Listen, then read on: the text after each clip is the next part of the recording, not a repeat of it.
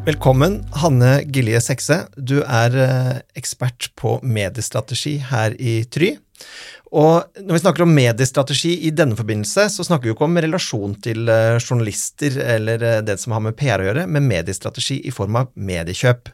Men hva er det fagområdet ditt egentlig handler om? Eh, mediestrategi det handler jo egentlig om å skape vekst. Eh, det er kanskje gjennom, eh, eller primært gjennom betalte kanaler, men det er òg vel så viktig å vite hvordan det samspillet er mellom egne eller eide kanaler og fortjente. Hva er den typisk, bare så å eksemplifisere, hva er egne kanaler? Er det type nettside?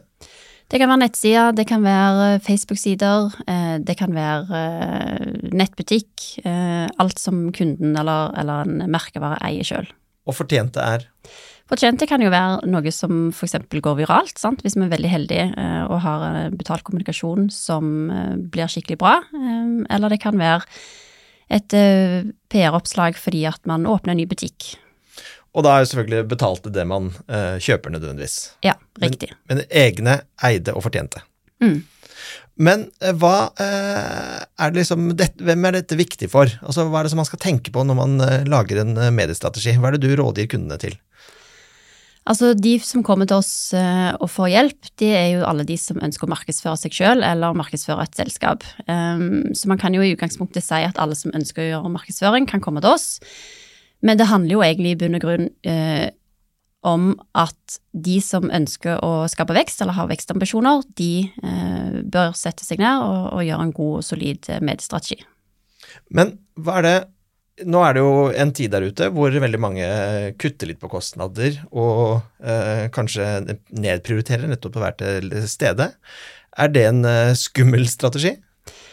Det er en veldig skummel strategi, for det kan bety at uh, man mister markedsandeler. Det kan bety at man uh, kun snakker til de kundene som uh, kjøper eller bruker tjenestene sine fra før, og ikke utvider sitt, sitt, sin kundeportfølje.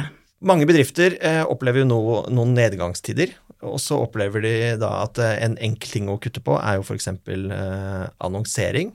Samtidig så er mange bekymret for å bli borte i markedsføringen, fordi kanskje konkurrenten tar eh, mer plass.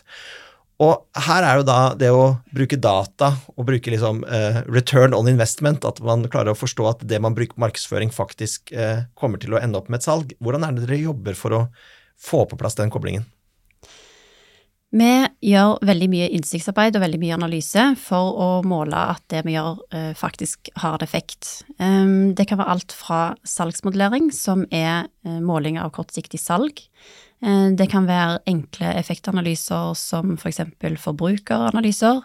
Eh, eller det kan være eh, analyser som, som går konkret på, enkelt, konkret på kanalen som man tar i bruk. Når man skal jobbe med eh, annonsering, så er det eh, alt man alltid er opptatt av å måle effekt, og se at eh, det man har brukt penger på, faktisk gir en annen form for, for avkastning.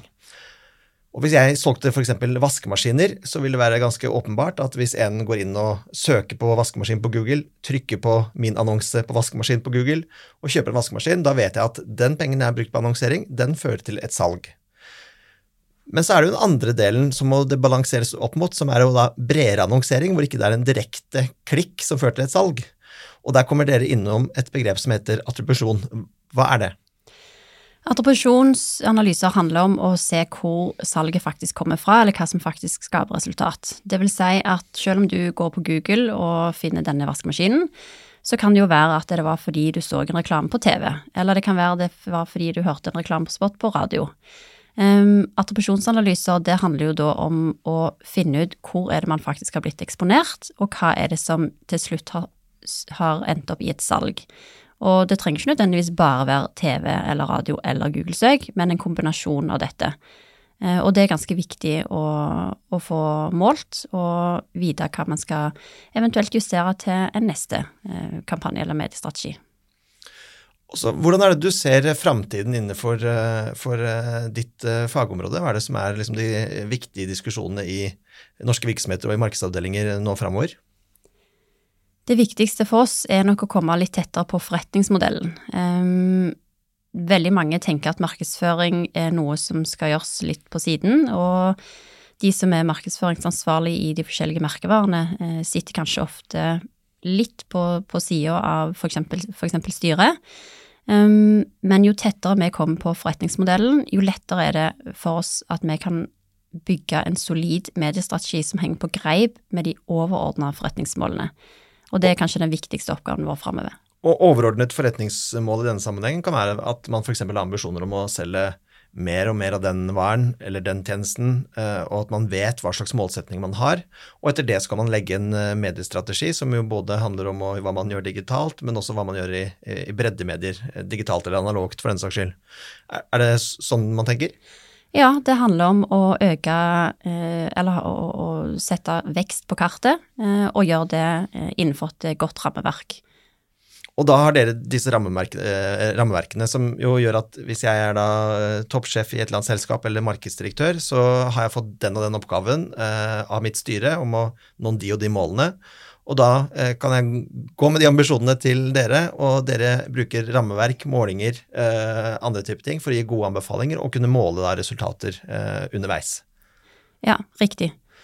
Men hvorfor er det, hva er det som er deres fordel i Tryopt? Vår fordel i Opt er at vi er eh, veldig fleksible. Eh, vi har en solid kompetanse både på mediestrategi og på de enkelte eh, medieflatene. Eh, og vi har eh, innhold og kreativitet i bunn av alt det vi gjør. Tusen takk, Hanne Gilje Sekse.